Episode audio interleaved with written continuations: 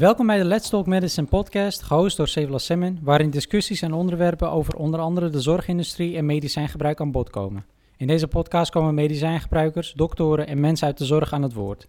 Vandaag zitten we met Marwa. Marwa is 26 jaar en kampt met lymfeklierkanker. Op Instagram neemt ze mensen mee in haar proces en vandaag ga jij luisteren naar haar verhaal en neem ik je mee in haar leven. Leuk dat je er bent, Marwa. Um, ik vind het ontzettend leuk dat je hieraan wilt deelnemen, want ik vind dat jij een, een sterk verhaal hebt die uh, mensen eigenlijk gehoord moeten hebben, omdat het een belangrijk onderwerp is in mijn ogen. Uh, maar voordat we dat gaan doen, uh, wil ik je vragen om jezelf kort voor te stellen. yes, nou dankjewel voor de uitnodiging allereerst. Ja, wie ben ik?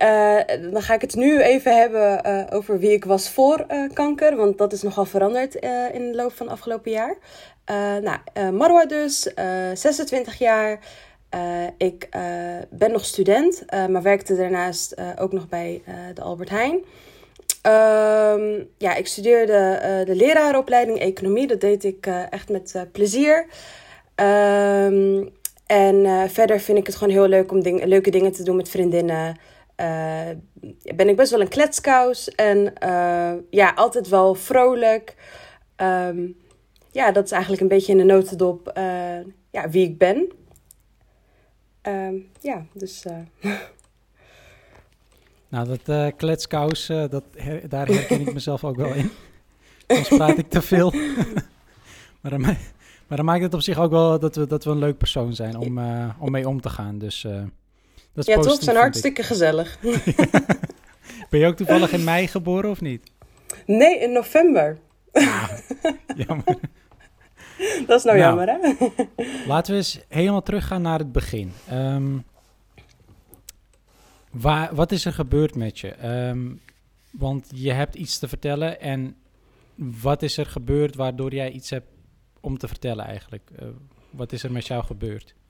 Um, nou ja, een beetje de reden uh, uh, ja, waar ik mee ben begonnen is. ik had ik had best wel een druk leven. Als in, uh, ik had twee dagen stage, drie dagen werken, een dag naar school. En dan had ik eigenlijk nog een dag uh, waar ik een beetje kon bijkomen om zeg maar de week weer tegen, alles tegenaan te kunnen. Um, dus dat was best wel, ja, was best wel druk. Um, en op een gegeven moment na mijn bruiloft eigenlijk, ik denk een maand daarna kreeg ik op een gegeven moment jeuk. Uh, en op een gegeven moment was het best wel onschuldig, want dan was het alleen onder mijn voeten. En dan grapte mijn man nog wel even van, uh, ja, wie heeft er nou jeuk onder zijn voeten, weet je wel? Uh, wat is het nou voor, voor iets raars? Hij zei, ik heb dat nog nooit gehad. Ik denk, nou, ik heb het wel vaker gehad. Mijn broer die heeft het wel eens gehad. Dus hij zei, ja, nou, dat zal vast wel aan jouw familie liggen. dus nee, vast niks aan de hand. En ja, zo, zo dacht ik er ook over. Ik denk, nou, oké, het zal wel gewoon, weet veel, een allergie zijn of wat dan ook. Nou ja. Uh, de jeuk werd steeds erger. En op een gegeven moment dacht ik: oké, dit, is, dit is gewoon niet leuk meer. Uh, want het hield me ook gewoon wakker uh, s'nachts. toen besloot ik naar de, naar de huisarts te gaan. Um, omdat ik dacht dat ik, weet ik veel, een of andere allergie had of, of iets. Um, toen ben ik naar de huisarts gegaan en die vertelde van... Oh ja, nee, uh, uh, heb je al geprobeerd om, uh, om geen wasverzachter... of geen bodylotion met geurtjes en zo te, te proberen. Toen dacht ik, oh ja, daar zit wel wat in. Nou, ben ik dat gaan, ben ik dat gaan doen... echt alles alles weggegooid. Uh, overal opnieuw mee begonnen. Wasmiddel, wasverzachter, bodylotion, uh, douchegel. Echt wat je maar kon bedenken. Ik spoot zelfs geen parfum meer op mijn huid. Omdat ik dacht dat het misschien daaraan zou liggen. Um, nou ja, toen... Dat, dat, hielp allemaal niet. op een gegeven moment ben ik, ben ik weer teruggegaan van... Goh, het helpt niet. ik heb alles geprobeerd en ja, helemaal geen effect. Het wordt juist erger. Toen uh, kreeg ik. Uh, toen kreeg ik, sorry, soms dan, uh, ze noemen het chemobrein. En dan kom ik zeg maar niet helemaal uh, uit mijn woorden. Dus vandaar dat je misschien heel veel, sorry voor de luisteraars, dat je heel vaak nee. hoort. Omdat ik gewoon soms midden in een zin gewoon niet meer weet waar ik het over heb. Uh, maakt niet dus uit, dat... maakt niet. Daar, daar, daar zijn we voor. We luisteren heel graag naar je verhaal en we nemen alle tijd, echt waar. Er is helemaal niks aan de hand. Je doet het hartstikke goed. Nou, mooi. Uh, nou, toen ben ik dus weer opnieuw bij de huisarts geweest. En uh, die uh, zei van, oh, nou, we gaan, we, we, ik, heb, ik ga een zalfje voorschrijven en een allergiepil. en dan gaan we even kijken wat, wat dat gaat doen. Nou, ik met alle positiviteit, want dat was ik ook gewoon. Ik was ook positief. Ik denk, nou, het zal vast wel helpen. Um, heb, ik, dus die medicijnen opgehaald. Ik proberen. En ik had al zeg maar ooit, uh, want mijn vader uh, die had uh, longkanker en die kreeg ook op een gegeven moment een allergische reactie op een bepaald middel. En toen op een gegeven moment ook de huisarts gebeld en die schreef datzelfde pilletje voor. Ik weet even niet meer hoe het heet. En toen was het helemaal weg. Want hij, had, hij begon ook op een gegeven moment vlekken te krijgen overal. En na dat pilletje, echt een half uur later, was het gewoon helemaal weg. Dus ik had echt volle hoop van: oké, als ik dit pilletje slik, dit is gewoon een wondermiddel, dit gaat mij helpen. Um, maar helaas werkte het niet bij mij. Um, uh, dus toen was het echt zo van, shit, waarom werkt het niet bij mij? Um, dus dat vond ik jammer. Ben ik weer teruggegaan en normaal gesproken ben ik niet iemand, ik ga nooit naar de huisarts. Uh, ik ben niet iemand die dan erover blijft uh, zeuren of wat dan ook als ik dan iets heb. maar dit keer, het, het, had zoveel impact op mijn leven dat ik dacht van nee, dit, dit, hier moet ik echt een oplossing voor vinden, want anders trek ik dit niet. Want ik was al zo druk en dan ook nog eens wekenlang, toen op dat moment wekenlang niet slapen. Dat was op een gegeven moment was dat ook gewoon niet meer te doen. Ik dacht op een gegeven moment dat ik gek werd. Ik denk, ja, ik moet toch gewoon even een keer een nacht kunnen slapen. Nou ja, goed, toen had ik volgens mij weer een ander soort pil gekregen ervoor. En die, nou ja, dat hielp ook allemaal niet. toen een keer werd ik s'nachts wakker en nou ja, wakker. Ik werd, de jeuk werd erger. Ik lag wel gewoon in bed iedere nacht, maar um, ik bleef maar gewoon krabben. En er was een nacht dat ik gewoon, ik trok het gewoon niet meer. Ik trok het gewoon echt niet meer. Ik bleef maar krabben, krabben, krabben. Toen dacht ik, weet je, ik ga gewoon de huisartspost bellen om te kijken of ze, weet ik veel, of ze iets voor mij konden uh, betekenen. Nou, ik huisartspost bellen. Uh, misschien ken je het wel. Ik hoop het niet natuurlijk. Maar enorme wachtrij. Zelfs om drie, vier uur s'nachts was dat toen. En nou ja, uiteindelijk iemand aan de telefoon gekregen. en nou toen mocht ik een zalfje gaan ophalen. En dat was dan het beste zalfje wat ze hadden dan voor, voor allergieën, dat soort dingen. Dus ik dacht, nou ja, goed. Dit, het moet goed komen, geloof ik. Uh, en zelf had ik toen ook nog zelf een beetje onderzoek gedaan op internet. Toen kwam ik zelf uit op schurft. Dus ik denk, nou, oké, geen idee waar ik het dan opgelopen zou hebben. Maar ik dacht, misschien is het schurft. Heb ik daar ook, toen ik naar de, ik was toen om vier uur s'nachts naar de apotheek gereden. om dus dat zalfje op te halen voor mijn jeuk. Dus al krabbend was ik aan het rijden. Um, ja, toen, dat, toen dat zalfje opgehaald, toen vroeg ik, ja, hebben jullie ook iets tegen schurft? Want dat wil ik ook proberen. En die, apotheek, die apotheker keek me echt aan van, hoe bedoel je schurft? Nou, ik zei tegen haar, geef mij gewoon iets voor schurft. Prima, ik wil het gewoon hebben. Ik ga het gewoon proberen. Nou, ik thuis, alles op 90 graden gewassen. Mezelf van top tot teen ingesmeerd met dat uh, zalfje. En het stonk echt vreselijk. Maar ik, ik, ik moest gewoon iets hebben wat zou helpen. En uh, nou ja, dat hielp dus ook niet. Toen weer naar de huisarts. Nou, uiteindelijk doorverwezen naar de dermatoloog. Um, en uh, nou ja, dat was ook echt iedere keer, uh, wat was het nou, uh, netelroos. De andere keer was het eczeem. Want ja, um, ze vroeg of eczeem bij mij voorkwam in de familie. En dat, dat was ook zo. mijn broers die hebben allebei last van eczeem. Um, mijn vader die had ook last van eczeem. Dus ik denk, dus ik zeg ja, gewoon in alle eerlijkheid zeg ik gewoon ja, dat komt voor. Zegt ze ja, dat is het. Je hebt eczeem. Dus ik dacht, um, oké. Nou ja, op een gegeven moment had ik uh, door het krabben zelf had ik gewoon uh, superveel littekens um, op mijn benen. Uh, en ik dacht dat het op een gegeven moment gewoon uitslag was. Het bleek dus uiteindelijk niet zo te zijn na twee biopjes van mijn, echt van mijn huid. Om te kijken dus of er, ja, of er iets met mijn huid aan de hand is. Uh, daar, daar, daar kwam dus niks uit. Dus dat, het bleek dus dat ik mezelf dat aandeed. Dus door het krabben heb ik echt... Mijn benen die zitten vol met uh, littekens. Mijn armen ook wel. mijn buik. Um, ja, en op andere plekken, daar kwam ik gewoon niet bij. Bijvoorbeeld mijn rug, dat was moeilijk krabben. Maar ik zit echt onder de littekens door. Maar dat deed ik dus mezelf aan. Terwijl ik al eerste instantie dacht dat het, um, ja, dat het door, weet ik veel, eczeem kwam. Of een of andere uitslag of wat dan ook. Um, dus eigenlijk na, en, en, na de uitslag van het biopt van mijn huid... Uh, was ik een beetje radeloos. Ik denk, nou, ik dacht dat ik echt gek begon te worden van. Ja, het is dus niks, dus blijkbaar. En op een gegeven moment eh, zat ik ook allemaal dingen op te zoeken op internet. Uh, en toen kwam ik ook op een gegeven moment uit bij, uh, bij leukemie. En toen dacht ik, nee, al die, andere, uh, al die andere symptomen van leukemie heb ik helemaal niet. Dus dat klopt niet. Kijk, ik was wel moe, maar ik dacht, ja, tuurlijk ben ik moe, want ik slaap niet. Dus ik dacht, ja, dat is normaal als je niet slaapt, dan ben je moe. Dat is gewoon een normaal gevolg. Dus op een gegeven moment, dat negeerde ik heel snel. Um, maar wat ik niet negeerde, uh, was, uh, wat stond er nou? Uh, dat jeuk ook tussen je oren kan zitten. Toen dacht ik, hé, hey, misschien is dat het wel. Want, nou ja, voor mij was het zeg maar logisch. Ik ben docent in opleiding economie. Dus ook een beetje rekenen ertussen. Dus ik denk, nou, dat is logisch. Uit biopt komt niks. Dus dat betekent dat, uh, dat het gewoon tussen mijn oren zit.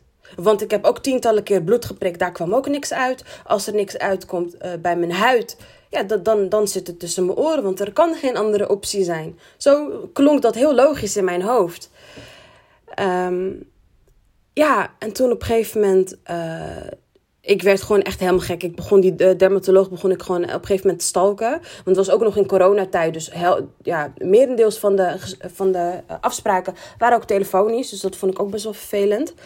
Um, maar goed, op een gegeven moment, ik wilde gewoon een oplossing. Want dit kon gewoon niet meer. Inmiddels was ik uh, bijna tien maanden verder. Um, en zat ik nog steeds met jeuk, zonder slaap. Um, en ja, het was gewoon, het was gewoon echt verschrikkelijk. Uiteindelijk kreeg ik van de dermatoloog, een, uh, ze noemde dat een stootkuur uh, prednison. En dat hielp. Dus ik was echt, eh, die stootkuur duurde twee weken en ik was zo blij dat ik gewoon kon slapen. Ik was ja, energieker. Um, uh, ik zat weer lekkerder uh, in mijn vel. Ik hoefde niet meer te krabben de hele dag. Dus dat was echt, was gewoon een wondermiddel. En ik had zoiets van, oké, um, dit, dit, dit, ja, dit, geef me meer van deze pillen, want het interesseert me niet wat het is. Dit werkt, ik wil dit hebben. uh, dus ja, op een gegeven moment waren die pillen op na twee weken. Dus ik belde weer van, uh, goh luister, uh, geef me meer van dat spul, want ik wil dat hebben, ik heb dat nodig. En toen zei ze nee. En op een gegeven moment, omdat ik zo erg in mijn emoties zat, barst ik gewoon in tranen uit. Omdat ik, ik had die pillen gewoon, had ik gewoon nodig. Want anders kon ik niet meer functioneren. Anders kon ik niet meer slapen. Anders kon ik niks meer.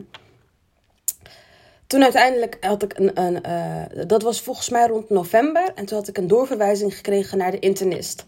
Omdat de dermatoloog toen tegen mij zei van, ja, ik kan niks meer voor je doen ik, uh, ik mag niet meer als, als dit geven. Uh, we moeten het vanuit binnenuit uh, gaan onderzoeken. Dus ik dacht, nou, het zal wel weer.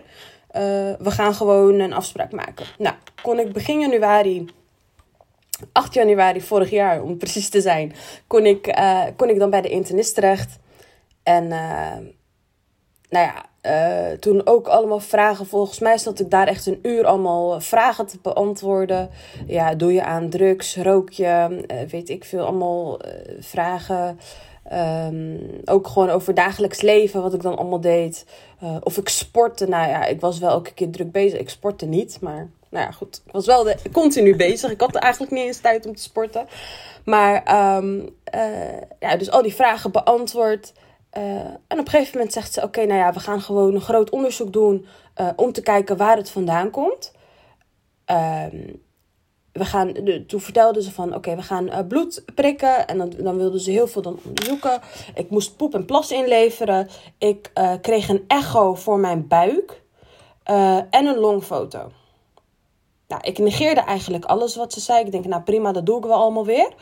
Um, maar ik, toen vroeg ik aan haar van, oké, okay, wil, wil, je me misschien prednison uit, uitschrijven? Wil je een receptje voor me uitschrijven?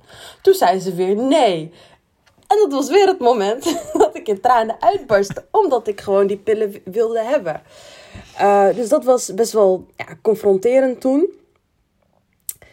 Ja, dat was eigenlijk een beetje het begin van hoe, zeg maar, de tien maanden lang uh, achter elkaar echt blijven doorzeuren bij, bij verschillende artsen eigenlijk. Ja. Ja, um, ik merk heel erg uit je verhaal. Kijk, we lachen wel om sommige stukjes.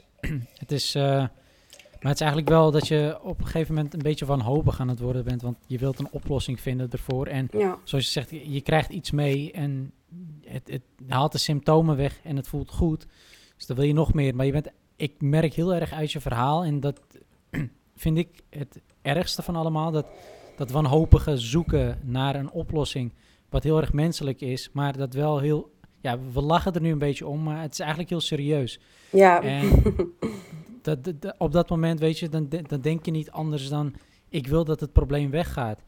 Um, en dat het voor jou echt een strijd is geweest, die tien maanden lang... om eigenlijk jezelf zo positief mogelijk te houden... en um, ja, jezelf er doorheen te krijgen. Want ik kan me heel erg goed voorstellen dat het zo moeilijk voor jou is geweest, die tien maanden... dat het misschien wel leek op twee jaar... Um, want als je nu zegt, ik heb littekens over mijn lichaam, ja, dan weet ik niet hoe hard jij hebt gekrapt. Maar dat zou wel flink hebben moeten jeuken, wil je zoiets hebben aangericht aan je lichaam. Dus het is eigenlijk super erg. Maar wat ik dan vooral wil weten is, wanneer is het moment geweest dat jij dacht van, oké, dit kan echt niet meer langer. Er moet iets aan de hand zijn. Ik ga nu naar de dokter toe. Uh, nou ja, ik, had dus... Um de, de, eerste keer dat ik naar de dokter uh, ging, dat was eigenlijk gewoon omdat ik dacht van, nou, het zal wel een allergie zijn, dus dan uh, geven ze me een pilletje en dan is het klaar. Dus daarvoor was de eerste instantie dat ik zeg maar dacht van, oké, ik ga even naar de huisarts. Um, maar ik ben ook een keer bijvoorbeeld naar de eerste hulp geweest.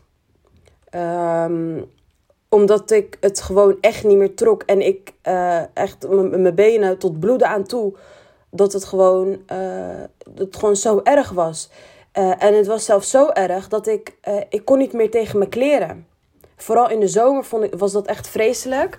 Dat ik echt, um, ja, ik kon er gewoon niet tegen. Ik moest echt, volgens mij drie, vier maanden groter aan, wil ik er tegen kunnen. dus dat was, ja, best confronterend. En inderdaad, we lachen er wel over. Ik kan er nu ook wel nog om lachen hoor. Maar op dat moment eh, was het echt huilen. Uh, nee, want precies. Het, het, was, het was echt paniek. Ja, ja. Dat, dus dat was eigenlijk het moment voor jou dat jij dacht van oké, okay, er klopt hier iets niet. Ik moet nu echt heel snel gaan om te kijken wat er aan de hand is. En dit probleem moet gewoon weggaan. Ja. Ja. Uh, uh, hoe ging het proces bij, bij, bij je dokter bijvoorbeeld? Uh, je komt naar binnen toe en hoe, hoe leg je zo iemand uit wat je hebt eigenlijk? Want je zegt, ik heb jeuk. En ze hebben ook wel eens gezegd dat je eczeem zou kunnen hebben. Maar ik denk dat het verschil tussen eczeem en wat jij hebt gehad... is dat, is dat groot of lijkt het erop? Nee, eczeem is, is vooral dat je echt van die droge plekken hebt. Um, echt, gewoon, echt gewoon, ook gewoon schilfers. dus ik denk dat dat het grootste verschil is met wat ik had. Want wat ik had is in eerste instantie had ik helemaal niks op mijn huid. Dus ik had jeuk, maar er was gewoon helemaal niks aan de hand. Dus je kon niet van buiten zien dat er iets aan de hand, uh, dat er iets aan de hand was. Dus dat, was een beetje, dat is denk ik het grootste verschil. Want bij uh, eczeem zie je wel dat er, dat er wat zit. En naarmate dat ik ging krabben, en dat was inderdaad flink krabben, want ja, ik, ik ging bij wijze van spreken elke dag mijn nagels knippen. Omdat het alsnog pijn deed, zeg maar, van het krabben.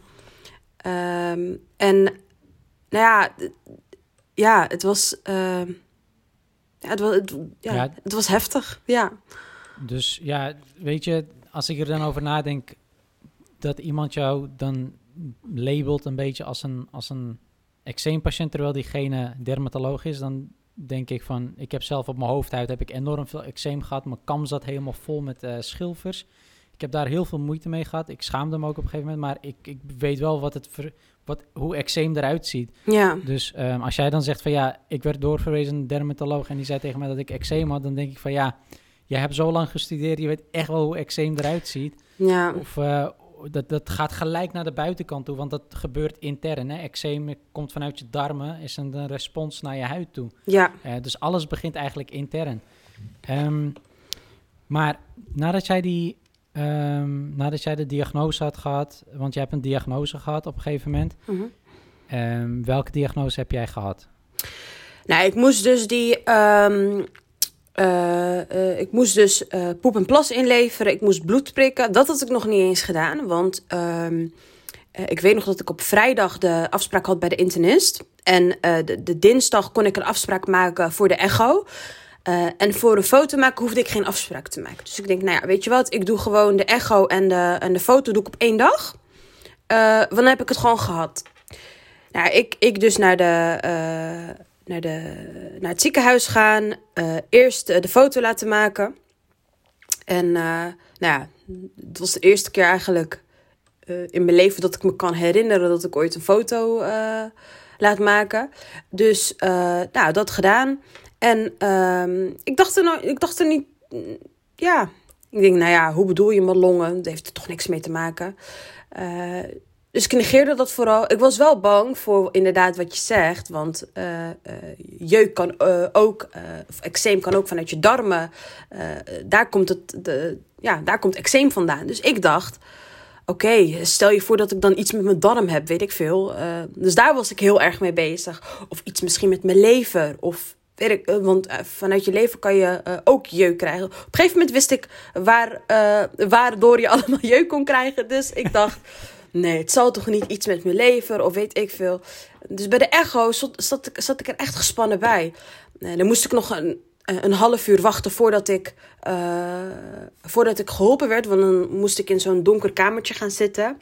En dan moest ik mijn shirt omhoog doen. En dan zou de arts zo komen. Nou, ik wachtte, wachten. En ik zit al in spanning van, eh, jeetje, wat, wat gaat er gebeuren? En eh, nou, toen kwam de arts dus uiteindelijk na een half uur. En die kijkt en hij keek ook zo ernstig dat ik dacht, oh jeetje, dit, dit, dit is niet goed. Uiteindelijk zegt hij, eh, nee, niks aan de hand, ziet er, eh, ziet er prachtig uit, zegt hij. En ik, nou, oké. Nou, ik was toen wel blij, dus ik dacht, nou, oké, niks, aan de hand, niks aan de hand dus. Ik was wel opgelucht, maar ook de manier waarop je dat zei, dacht ik, oh, oké? Vond ik heel gek. Nou, dus ik het ziekenhuis ehm, uit. Ehm, en eh, mijn moeder die woont om de hoek bij het ziekenhuis. Dus ik bel haar van... eh, ja, ik ben net bij het ziekenhuis geweest en eh, ik ga nu even boodschappen doen, want eh, dan ga ik gauw naar huis, want ik moet nog koken. Dus mijn moeder zegt, ja, ik heb ook boodschapjes nodig. Dus we lopen samen richting, de, richting de Albert Heijn. En ehm, op een gegeven moment kreeg ik een e-mail van het ziekenhuis met dat ik een CT-scan heb op donderdag. Dus ik denk, huh, CT-scan. En ik zeg nog tegen mijn moeder, deze mensen zijn gek, joh. Die denken dat ik niks, niks te doen heb. dus dus ik, ik, ik meteen die poli bellen, die dan die afspraak voor me heeft ingepland van... Luister, dit kan helemaal niet. Nou, was dus na vier uur al, dus er was niemand meer. Dus ik zei tegen mijn moeder van, ja, oké, ik ga morgenochtend ga ik wel bellen. ehm, dat, ja, dat ik een andere afspraak moet maken. En ik zat nog niet eens na te denken over waarom ze die scan eh wilden maken. Ik zat meer in mijn hoofd van... Huh? Waarom plannen ze iets in zonder dat ik er iets vanaf weet? Ehm, dus dan zie je maar dat ik echt gewoon bezig was met de dagelijkse dingen. In plaats van met dat er echt iets eh, van binnenuit aan de hand was. Want daar, ja, daar stond ik gewoon niet, eh, niet bij stil, om eerlijk te zijn. Eh, even later, ik denk drie, vier minuten later, werd ik gebeld, anoniem. En ik heb daar een, echt, een hekel aan. Omdat dat bij mijn vader altijd. Uh, want ik was zeg maar de contactpersoon voor de artsen. Voor mijn vader toen de tijd.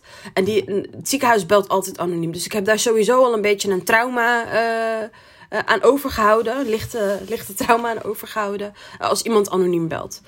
Nou goed, ik opnemen. En ehm, die arts, dus met wie ik dan dat eerste gesprek had met al die vragen, weet je wel, die vroeg dan: Ja, waar ben je? Ik denk, hé, hoe bedoel je, waar ben je? Dus ik zeg: Ja, ik ga boodschappen doen. Waarom? Zegt ze: Ja, nee, ik heb al wat uitslagen binnen. Ben je met iemand? Ik zeg: Ja, ik ben toevallig bij mijn moeder. Wat is er aan de hand? Uh, toen zei ze, ja, ik heb uitslagen binnen en die wil ik even met je bespreken. Ik zeg, is goed, zeg dan. Ik had uh, een mandje ondertussen gepakt en ik loop uh, gewoon, nee, ik ga echt boodschappen doen. Dus ik had, ik had nog niet eens iets door. en toen zei ze van, ja, we zien vergrote lymfeklieren op de longfoto. Nou, eerste instantie, om eerlijk te zijn, ik wist niet, ik, kijk, ik wist niet wat lymfeklieren waren, waar ze voor dienden. hoe dan ook, ja, ik wist dat gewoon niet. Um, ik heb expres de richting economie gekozen, omdat ik niks met, uh, niks met biologie te maken wilde hebben. dus dat begreep ik al niet. dus, dus ik zeg: Oké, uh, is goed. wat betekent dat? vroeg ik haar. En ze zegt: Ja, dat kan duiden op, op lymfeklierkanker ja, op dat moment, wat ze daarna zei, ik heb echt werkelijk geen idee meer. Dat is gewoon blanco voor mij, dat weet ik gewoon echt niet meer. En wat ik nog wel weet is dat ik uh, dat mandje ergens neer had gepleurd. Uh, ik, uh, mijn moeder wenkte van kom, we gaan nu weg. Uh, ik, heb, ja, ik heb wat mensen denk ik opzij geduwd. Van ik moet hier weg bij de kassa, weet je wel. En nou, mocht iemand luisteren, sorry. maar uh, op een gegeven moment, ik, ik, ik wist gewoon niet wat, um, uh, wat er gebeurde. En ik denk, oké, eerste scenario wat bij mij in mijn hoofd kwam, uh, is ga ik dood? Of hoe lang heb ik nog? Dat, dat was wat het eerste, wat, er in me, wat er in me opkwam. En ja, um, toen moest ik nog naar huis rijden. Uh, mijn moeder die wist nog steeds niet wat er aan de hand was. Die zag alleen dat ik lijkbleek was. En dat ik nog steeds met die arts aan het praten was terwijl ik aan het rijden was. Uh, maar nogmaals, ik heb geen idee wat ze, wat ze allemaal zei op dat moment. En uh, nou, thuis aangekomen, toen vertelde ik het. En ja, dat was, ja, dat was best wel een klap. Maar het leek alsof ik het toen nog niet helemaal besefte of zo. Dat, ja, dat is best wel een, een gek gevoel. Ja, je krijgt, uh, wanneer, wanneer je nieuw, slecht nieuws krijgt, dan voel je dat op dat moment nog niet. Uh, wanneer je het pas laat bezinken, dan pas ga je ja, beseffen hoe ernstig eigenlijk iets is. Ja. Um, ja, het eerste wat ook door je heen ging is dus ga ik dood. En um, ik denk dat veel mensen dat ook wel hebben wanneer ze zulk slecht nieuws horen van uh, hoe, hoe lang heb ik nog te leven. Ja. Want het is, uh, het is geen uh, kleine ziekte of zo. Dit is gewoon echt iets massaals waar veel meer mensen last van beginnen te krijgen. Dus de kankergevallen zijn heel erg hoog aan het worden. In, in Nederland ook. Nou. Maar ook in, in, de rest van de wereld. Dus um, ja, het is, het is heel heftig. Maar zoals je zei net van, um, ik wist niet wat een lymfeklier was. Um, ik weet het ook nog niet helemaal heel precies. Ik heb uh, ook geen biologie gestudeerd. ik heb IT gestudeerd. Maar ik heb wel een hele grote liefde voor, uh, voor biologie. Um, maar zelfs ik weet het nog niet. Um, wat is lymfeklierkanker eigenlijk? Nou, om eerlijk te zijn, um, heb ik het ook niet helemaal opgezocht wat lymfeklieren precies doen. Het boeide me eigenlijk niet. Het enige wat ik wilde is dat het, ja, dat het wegging.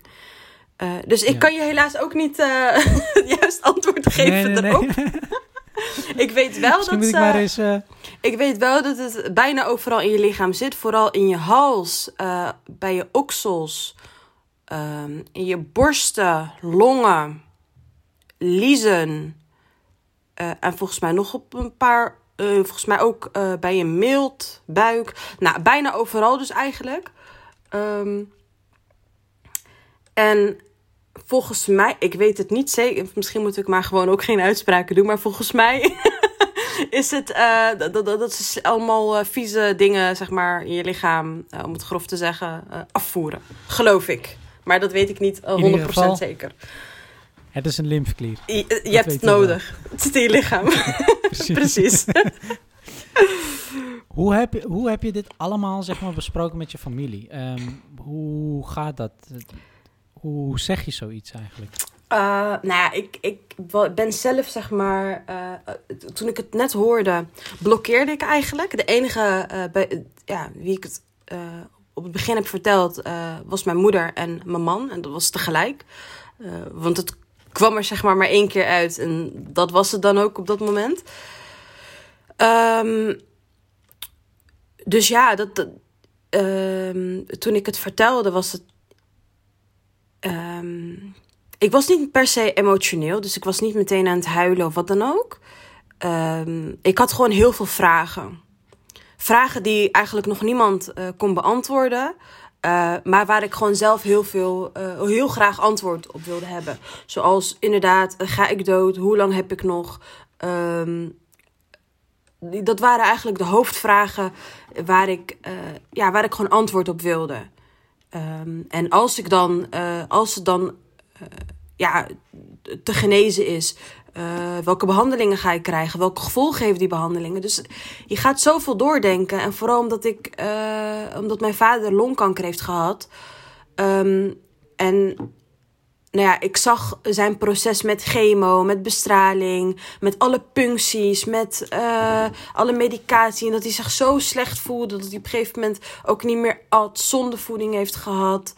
Um, um, ja, dus dat op een gegeven moment, ja, dan, dan zit ik met mijn hoofd van, oh, ga ik er dan ook zo uitzien? Of gaat het dan bij mij ook uh, die richting op? Want in mijn hoofd had ik, uh, was er geen verschil tussen longkanker en lymfeklierkanker. Want bij mij zit, zat, uh, zat het ook in mijn long. Dus dan, ja, het, wa het waren gewoon heel veel vragen um, die ik had. en waar ik ook gewoon niet over wilde praten. Um, ik wilde het er liefst ook gewoon niet over hebben. Echt gewoon, gewoon niet. Dus ja. ik heb het zelf ook niet aan mijn broers verteld. Dat heeft mijn man gedaan, omdat ik het gewoon, het lukte me niet. Ik, ik, het, enige wie ik het zelf, wel zelf uh, heb verteld, en dat was middels een appje, dat was mijn manager um, en mijn stagebegeleider. Die heb ik een appje gestuurd, want ja, ik zou de volgende dag, ja, want zoals ik al zei, mijn leven was gewoon druk, dus ik moest gewoon door. Dus de volgende dag moest ik gewoon naar stage. Dus ik heb hem geappt van, uh, gewoon luister, uh, dit is er aan de hand. Ik wil het er het liefst nog niet over hebben. Op het moment dat ik antwoorden heb, dan zal ik je op de hoogte houden.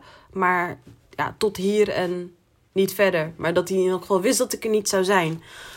En zo ook dus met mijn manager. Ik vond het gewoon heel moeilijk om um, ja, om erover te praten. En het was vooral omdat ik zelf um, heel veel vragen had en ik daar geen antwoord op kon geven. Want ik kan me voorstellen dat als iemand zegt van goh, ik heb kanker, dan heeft diegene aan wie het vertelt, uh, die heeft gewoon vragen. Dat snap ik ook heel goed. Maar om mezelf te beschermen, uh, ja, zei ik van nee, ik, ik, zeg het gewoon nog even niet en ik wil er gewoon niks over horen. Ja. Ja, dat is, uh, dat is meer dan begrijpelijk. je zit zelf in een heel uh, groot proces dat gewoon heel belangrijk is voor jou op dat moment. En je hoort iets nieuws.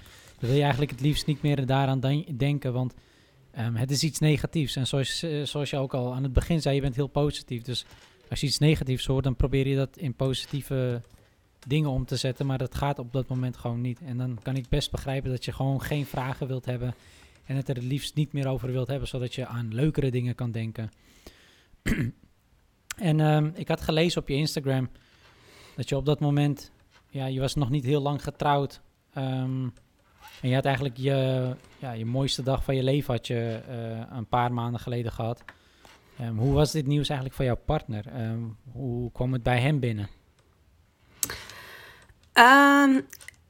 Ja, hij is eigenlijk ook best wel uh, positief en ook best wel nuchter eigenlijk.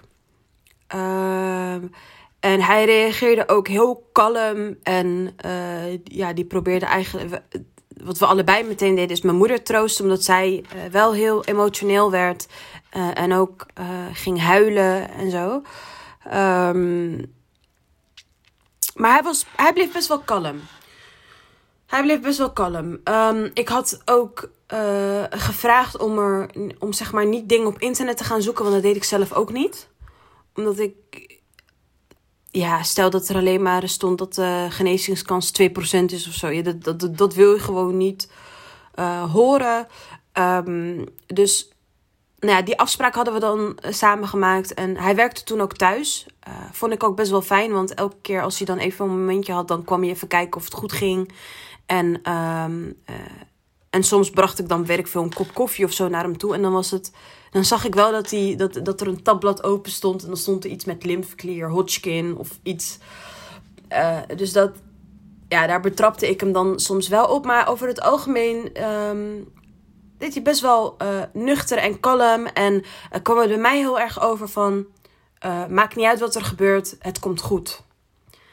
Um, dus ja, soms, om eerlijk te zijn, vond ik dat wel lastig. Omdat ik zoiets had van... Um, hallo, hoor je wel wat ik zeg? Weet je wel wat er aan de hand is? Um, dus dat vond ik soms wel lastig. maar als ik nu terugkijk... Um, is dat eigenlijk het beste wat hij, wat hij had uh, kunnen doen. Omdat, nou ja, als we allemaal hysterisch werden, ja, dan, dan wordt het er ook niet beter op.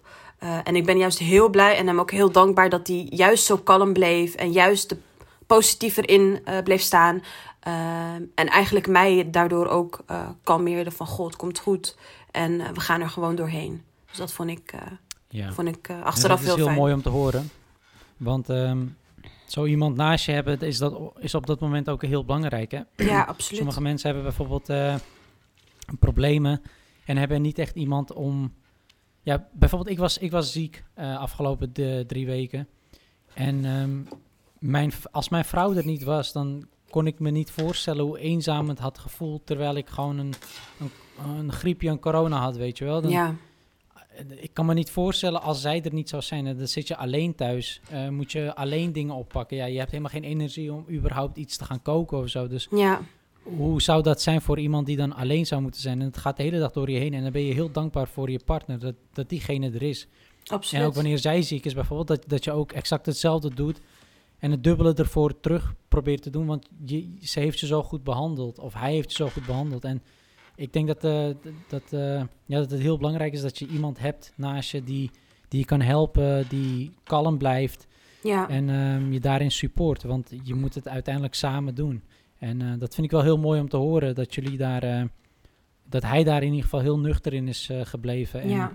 Um, het met een logische mindset probeert op te pakken. Dat is heel belangrijk geweest, denk ik, voor jou. Ja, absoluut. Ja, zeker. Ja. Ja. Want um, het stukje mentaal, dat, dat mogen we niet vergeten. Um, ik had uh, vorige keer uh, iemand gesproken die borstkanker had. Ja. En ze, ze was echt een enorm sterke vrouw. Vijf dagen in de week boksen en sporten en trainen. En kreeg ze ineens dat. En ze zegt, het was niet zozeer uh, het fysieke, maar voor mij was het vooral het mentale stuk heel erg moeilijk om daar überhaupt over te praten. Waardoor je mentaal nog zwaarder gaat krijgen. Hoe was dat eigenlijk voor jou? Hoe, was het mentaal? Hoe ging dat?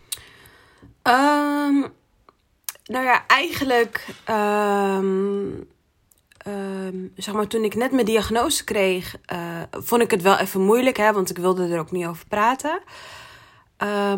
maar zo, uh, zodra ik zeg maar mijn antwoorden kreeg en uh, ik hoorde dat het uh, wel te genezen is, dat het op één plek, dat het op één plek zat, weet je wel, en dat het ja, dat ik ja, chemotherapie zou krijgen. Ik denk, nou, zo so be. Het komt wel goed. Dus um, ja, zodra ik alle antwoorden kreeg, had ik er eigenlijk wel vrede mee. Um, want nou ja, ik heb dan als houvast uh, uh, mijn geloof. En ja, ik moet het zien als, als een beproeving. Um, ja, die, die dan uh, andere zondes, bij wijze van spreken, wist. Dus voor mij was het eigenlijk wel van: oké, dit is. Misschien is dit wel even goed. En ik, ik ben ervan overtuigd dat alles gebeurt met een reden. Uh, dus of je nou je teen stoot of dat je nou lymfeklierkanker krijgt, alles gebeurt met een, gebeurt met een reden. Um, en ik ben ook gewoon anders gaan kijken naar, um, naar het leven. Naar uh, wat ik wil doen met mijn leven. Wat, uh, ja, wat, Um, wat, wat kan ik betekenen voor, voor anderen? Uh, dus niet per se alleen mezelf tevreden stellen, maar ook bijvoorbeeld andere mensen helpen, in welk opzicht dan ook. Dus het heeft mij eigenlijk ook, ja, tuurlijk, het, het, het is zwaar om te horen dat je uh, ernstig ziek bent terwijl je je eigenlijk niet zo voelt. Maar um, het, het heeft mij ook wel mooie dingen opgeleverd. Ja. Ja, nee, ik, ik hoor dat wel vaker. Dat wanneer iemand ziek is geworden, dat ze dan. Of überhaupt iets hebben meegemaakt, weet je wel, een tegenslag of zo. Dat, dat we eigenlijk een beetje down to earth worden en rustig gaan filosoferen en gaan nadenken over wat is nou echt belangrijk voor mij. Ja. Um, dat is, uh, ja, ik wil het niet. Hoe zeg, hoe zeg je dat het beste? Mooie kant wil ik zeggen, maar ja, op dat moment denk je niet echt dat het is een mooie kant of zo, maar het, het doet je wel denken aan bepaalde dingen. Ja. Maar ook een hele mooie is dat je één ding hebt op je wensenlijst en dat is gezond zijn. Ja. En nu, wanneer je gezond bent, dan heb je dromen, heb je, wil je achter alles aangaan en uh, doe je heel veel. Maar wanneer, zodra je ziek wordt, is er maar één wens die je hebt en dat is gezond zijn. En dat laat ook weer zien dat gezond zijn het belangrijkste is. Absoluut. Ja, nou, in, in, in het dagelijks leven dan sta je er niet vaak bij stil. Uh, want ja, vooral als je nog zo jong bent, je staat, je staat er gewoon niet bij stil, want het is vanzelfsprekend. Um, ja. Maar het is eigenlijk helemaal niet vanzelfsprekend. Want iedereen kan ziek worden. En iedereen die, um, uh, of het nou kanker is of iets anders, iedereen die kan een ziekte krijgen, um, wat gewoon heel veel impact heeft op je leven. Dus ja, het is gewoon belangrijk dat men er gewoon veel vaker bij stilstaat. En ook uh, in zijn dagelijkse doen, weet je wel. Want um, ja, tuurlijk begrijp ik als men echt carrière wil maken en uh, druk, druk, druk en geld. En kijk, ik snap, ik snap dat. Ik snap dat, want nou ja, ze zeggen geld maakt niet gelukkig. Um, ben ik het deels mee eens, maar deels ook niet. Want geld maakt wel dingen makkelijker. Dus niet per se gelukkig, ja. maar het geld maakt wel dingen makkelijker. Dus ons streven is gewoon, ja, geld verdienen, carrière maken. Maar als je niet gezond bent, dan, dan kan je wel carrière willen, carrière willen maken. Maar dat, dat, dan gaat dat gewoon niet. Dan, dan, Precies. Dan, ja. Ja, dat, dat is dus het... Uh, gezondheid is de basis om bepaalde dingen te doen die je wilt gaan doen. En um, ja, we zijn... Het, daarom vind ik het zo geweldig om met mensen te spreken in deze, in deze podcast. Omdat ik dan steeds weer het besef krijg van... Safe, maakt niet uit hoe jong je bent. Maakt niet uit hoe energiek je bent. Maakt niet uit hoe vrolijk jij bent. Weet dat er een dag gaat komen dat jij ook gaat. Snap je? Dat, dat je sowieso in je graf gaat liggen. Dus zorg ervoor dat je altijd beseft dat wat je doet een reden heeft om het te doen. Mm -hmm. En doe dingen die jou gelukkig maken, want uiteindelijk is dat heel belangrijk. Ja. En je gaat, je gaat een dag je graf in en dan laat je eigenlijk alles achter. En het belangrijkste is wat je achterlaat. Je daden zijn uiteindelijk belangrijk. Dus um, dat stelt mij wel heel vaak uh, gerust. Want ik weet nog wel van mezelf dat ik gewoon niet echt dacht, dacht aan dat soort dingen. Maar sinds ik dit soort dingen ben begonnen en vaker mensen zie die hetzelfde verhaal delen, dan doet het mij steeds meer besef van hé, hey, het is niet vanzelfsprekend dat ik mijn gezondheid heb. Wees daar enorm dankbaar voor, want het is heel super belangrijk. Ja, absoluut. Dus, um, een belangrijk stukje ook is je begrepen voelen wanneer je zoiets hebt. Voelde jij je soms niet begrepen door deze ziekte? Um, nou ja, uh, wat mij. Um, uh, wat ik zelf uh, in mijn omgeving merkte, is dat. nee, op, op een gegeven moment iedereen accepteerde, zeg maar, dat. Want op een gegeven moment ging ik het ook natuurlijk zelf vertellen aan, aan mijn vriendinnen, mijn omgeving, collega's. Um, en ik vertelde er ook bij dat ik er gewoon niet veel over wilde praten op dat moment. En dat ik niet uh, continu vragen wilde uh, beantwoorden erover. Um, dus op dat moment kreeg ik ook gewoon geen vragen. Dat vond ik heel fijn, want dan... Ja, stel dat ik er zelf over wilde praten, dan, dan kwam het wel. Dan vertelde ik het ook wel. En toen ik het probeerde om, het, om, om erover te praten vond ik het eigenlijk best wel fijn. Het, het, was een soort opluchting. Dat ik dacht van, oh, oké, nou ja, het, het, is er nu uit, weet je wel. En um, ja, op een gegeven moment toen ik dat dus vaker ging doen... ehm, vond ik het juist heel fijn om erover te praten. En soms bleef ik ook gewoon uren erover praten. Van, oh, dit heb ik, dit heb ik meegemaakt en dit en dit en dit. En zo is dit gebeurd. En la. Dus op een gegeven moment was ik ook niet stil te krijgen. En toen... ehm, ja, ik voelde me op dat moment, voel, ja, dat, was het vooral vanuit mij dat ik echt dingen ging vertellen en alles. Ehm, dus dat, ja, een luisterend oor is op dat moment echt super fijn om, ja, om te hebben. En, ehm, maar ik ben nu al een tijdje klaar met mijn eh, behandeling. Eh, en alles is eh, gelukkig goed gegaan. En ehm, ik merk nu, wat je inderdaad net ook zei, ik merk nu dat het mentale wel moeilijker is. want hè, je bent klaar, het is goed gegaan, de scans waren goed. Maar nu moet je door. En nu moet je je leven weer oppakken. En je ziet dat iedereen om je heen eh, is doorgegaan. Maar jij hebt eigenlijk een, jaar stilgestaan, om het zo te zeggen. Dus om dan zeg maar weer je leven op te pakken, is gewoon heel lastig. Ehm, dus ja, dat, dat, zeg maar, na de behandeling, dan pas uh, komt de klap. En ik hoorde dat ook af en toe wel van, ja, uh, pas als je klaar bent met je behandeling, dan ga je het voelen. En ik dacht, nee toch, dat zal, nee, dat kan niet. Want ik was zo positief en ik wil, ik wil juist andere mensen helpen. Dat wil ik nog steeds, daar niet van. Alleen, uh, soms heb ik nog wel de strokkel met mezelf dat ik denk, ja, wat ja, ik, dan voel ik me niet. Het is niet per se onbegrepen. Um, ik vind het lastig om het uit te leggen. Het is niet per se onbegrepen, maar uh, dat men uh, een soort van verwachting heeft van: Goh, je bent klaar met je chemo. Um, dus het is weer normaal, je bent weer beter. Dus het wees blij. En dat is een beetje, ja, dat is een beetje het lastige dat, dat noemen ze, uh, eraan. Dat noemen ze mak te makkelijk denken. Uh, we denken meestal te makkelijk van, goh ja, je hebt je chemo gehad en uh, let's go. je kan weer, toch? Ja. Maar zo werkt dat dus niet. Um, ik heb mensen gezien die, het lijkt alsof ik een arts ben of zo. Ik heb zoveel mensen gezien die hetzelfde ziektebeeld hebben, serieus. Mm -hmm. En die dan naar de winkel toe kwamen. Ik heb ook bij de Albertijn gewerkt voor negen jaar toen ik in mijn studententijd zat. Um, en ja, ik erkende die vrouw geen eens meer nadat ze klaar was met haar behandeling. Ja. Ze, ze, was zo in een, ze zat zo in een dip dat ik dacht van, die, die, die behandeling uh, wat, is natuurlijk erg. Maar wat er daarna komt bij haar, wat ik daarna heb gezien, daar schrok ik heel erg van.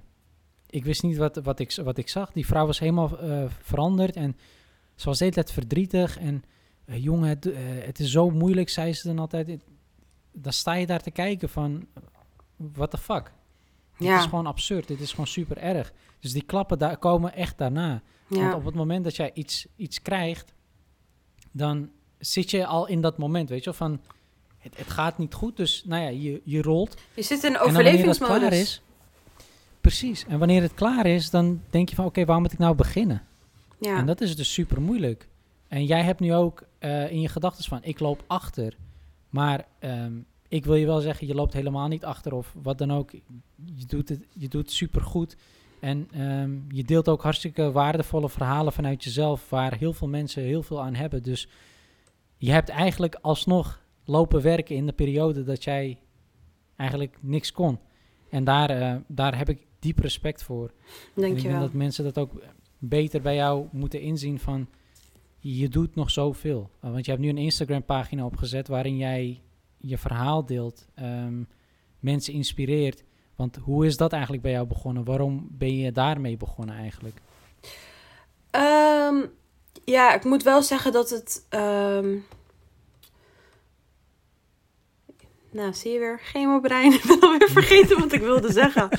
Oh, wat erg. Uh... Nee, ik ben het kwijt. Nou ja, goed. Waarom ik dus de Instagram-pagina ben begonnen. Um, is, uh, nou, ik heb een, uh, een schoonzus, de vrouw van mijn, van mijn broer.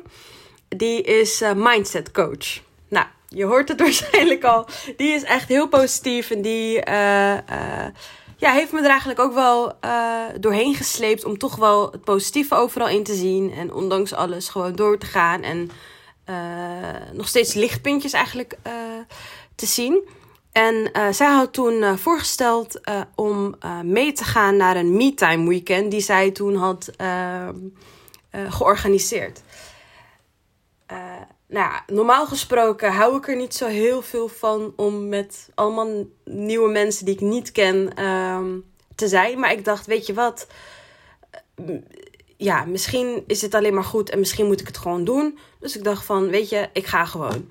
Nou, dat was, uh, dat was echt een weekend, waren twee dagen. Uh, maar die twee dagen waren zo waardevol dat. Ja, op een gegeven moment, uh, want het was alleen met vrouwen en iedereen deelde zijn, ja, iedereen deelde haar verhaal. En op een gegeven moment hadden we het over passie. Van wat is echt jouw. Wat vind, eh, wat vind je nou echt leuk om te doen? En ik kwam nergens op. Ik denk, nou, dat kan toch niet? Want ik heb ook niet echt een, werk voor een speciale hobby of uh, een, een, een talent. Weet je wel? Want nou ja, ik kan niet bijvoorbeeld gitaar spelen of wat dan ook. Dat kan ik gewoon niet. uh, dus dat ik zat, ik zelfs niet. Ja, ik, ik zat echt te graven in mijn hoofd van ja, maar ik kan niks. Nee, ik weet het niet. Nou, op een gegeven moment, na heel veel gesprekken, echt na twee dagen lang praten met mensen. Um, toen uh, had ik een gesprek met twee dames. En uh, die zeiden van. Uh, want die, die, die hebben me dus wel intensief leren kennen, natuurlijk, die twee dagen. En die zeiden van. Waarom, doe je niet, waarom vertel je niet gewoon je verhaal? Begin daar gewoon mee. Want ik was daar natuurlijk ook al de hele dag erover aan het praten. Omdat ik het dus zo fijn vond om, uh, om alles eruit te gooien. Dus op een gegeven moment zeggen ze tegen me van... Maak gewoon, gewoon heel simpel. Maak gewoon een Instagram pagina aan. Vertel uh, je verhaal. En wellicht kan je mensen gewoon helpen ermee. Toen dacht ik... Huh? Ja. Ja, toen dacht ik... Ja, waarom niet? Want nou ja, even, uh, natuurlijk, soms lukte het, want ik zat toen nog midden in mijn chemo. Uh, soms lukte het dan wel uh, om even achter de laptop te zitten en soms ook niet. Dus het, ik had geen regelmaat in, in posten van een stukje van, van mijn verhaal. maar ik dacht, weet je, ik doe gewoon wat lukt. En wat niet lukt, ja, jammer, so be it. Dus dat is eigenlijk een beetje hoe ik ben begonnen. Dus ik heb het eigenlijk helemaal niet zelf bedacht. maar dat is meer door ja, door die eh, dames en ook uh, door mijn schoonzus die me eigenlijk uh, een beetje hebben gepusht van doe dat nou maar gewoon en je gaat je ook beter voelen. En toen ik het ook had opgericht, heb ik zoveel lieve berichten gehad en ook dames die hetzelfde hebben meegemaakt of hetzelfde meemaken en dat die dan um, een soort van hoop uh, vestigen op uh, mijn verhaal. En dat die er ook gewoon kracht uit halen. Ja, dat vond ik gewoon echt, uh, dat vond ik gewoon echt heel mooi. Ja. Ja, je, je was eigenlijk waar je had moeten zijn op dat moment. Dat is het mooie van, van dit leven, zeg maar. Er wordt je soms iets ontnomen om je iets mooiers te geven. En ik denk dat je nu echt op je plek bent, want ik vind het echt prachtig om die... Het, het geeft mij ook energie wanneer ik die dingen lees. En ik vind dat gewoon, ja, wanneer ik het ook aan mijn vrouw laat zien, bijvoorbeeld van, kijk, kijk iemand heeft zo'n erge struggle en die heeft zoiets meegemaakt. Het is gewoon bijzonder hoe, hoe je dat weer, weergeeft, weet je wel. Is, je hebt daar echt talent voor. Je weet hoe je iets op een mooie manier kan overbrengen. Je vertelt het ik, ik voel het heel diep, zeg maar. Ik kan het heel emotioneel oppakken en dat doe je, dat doe je heel goed. Dankjewel. Um, en je was op dat moment dus waar je had moeten zijn. En dat maakt het nog mooier dat ze je zo heeft meegenomen en dat je toch bent meegegaan en je Instagram-pagina nu de hoop is voor heel veel mensen. En uh, ik denk dat jij dat ook, dat jouw, ja, jouw pagina is, hoort eigenlijk ook gewoon hoop te heten, weet je. Het is, het is zo mooi wat jij nu doet voor andere mensen, dat, uh, daar heb ik alleen maar respect voor. Um, hele belangrijke vraag. Wat is jouw missie? Um, nou ja, nu in, uh, uh, in wat ik doe. Kijk, nu ligt het een beetje op een, op een laag pitje. Want um, ja, ik ben nu gewoon echt aan het revalideren. En om mijn oude ik te worden. Zowel fysiek als mentaal. Want nou, chemo maakt je gewoon helemaal kapot. Uh, fysiek ook, omdat ik gewoon, ja, ik ben heel veel aangekomen. ehm, spierkracht eh, verloren, overal pijntjes. Eh, vorige week nog corona gehad, dus dat, ja, dat helpt allemaal niet mee. Eh, en mentaal heb ik ook nu best wel een, een klap, dus ik ben volop aan het revalideren. Maar mijn missie is en dat, dat wil ik ook heel graag voortzetten, is om anderen en vooral vrouwen uh, te helpen, te motiveren, te inspireren. Uh, ja, om niet, uh, om niet op te geven. Om overal eigenlijk een, iets moois aan te, te binden. Um, dus ja, ik merk ook dat, dat, dat, dat het in onze cultuur ook best wel taboe is om erover te praten. Want hè, als het even niet goed gaat en vooral dat mentale, dat dat gewoon heel lastig is om erover te praten.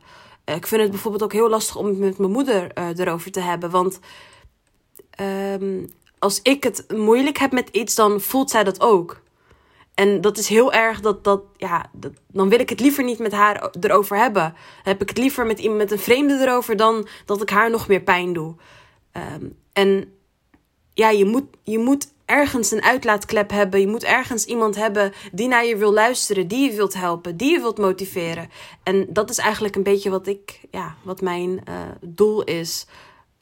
Um, ondanks dat ik nu uh, fysiek niet heel veel kan, um, wil ik toch ja, op die manier uh, ja, vrouwen kunnen inspireren en motiveren om ja, overal een lichtpuntje in, in te zien. Ja. Prachtig doel, prachtig doel. dat ga je ook zeker weten halen. Um, je bent er echt goed op weg. En ehm, ik zie dat lichtpuntje voor, voor mensen wel tevoorschijn komen vanuit jouw kant. De laatste vraag, maar de allermooiste. Wat zou jij veranderen aan de zorg als je vandaag iets kon veranderen? Um, nou, ik moet zeggen dat, dat ik over het algemeen best wel uh, goede ervaringen heb gehad. Uh, ik bedoel, met de chemo's uh, waren alle verpleegkundigen echt super lief.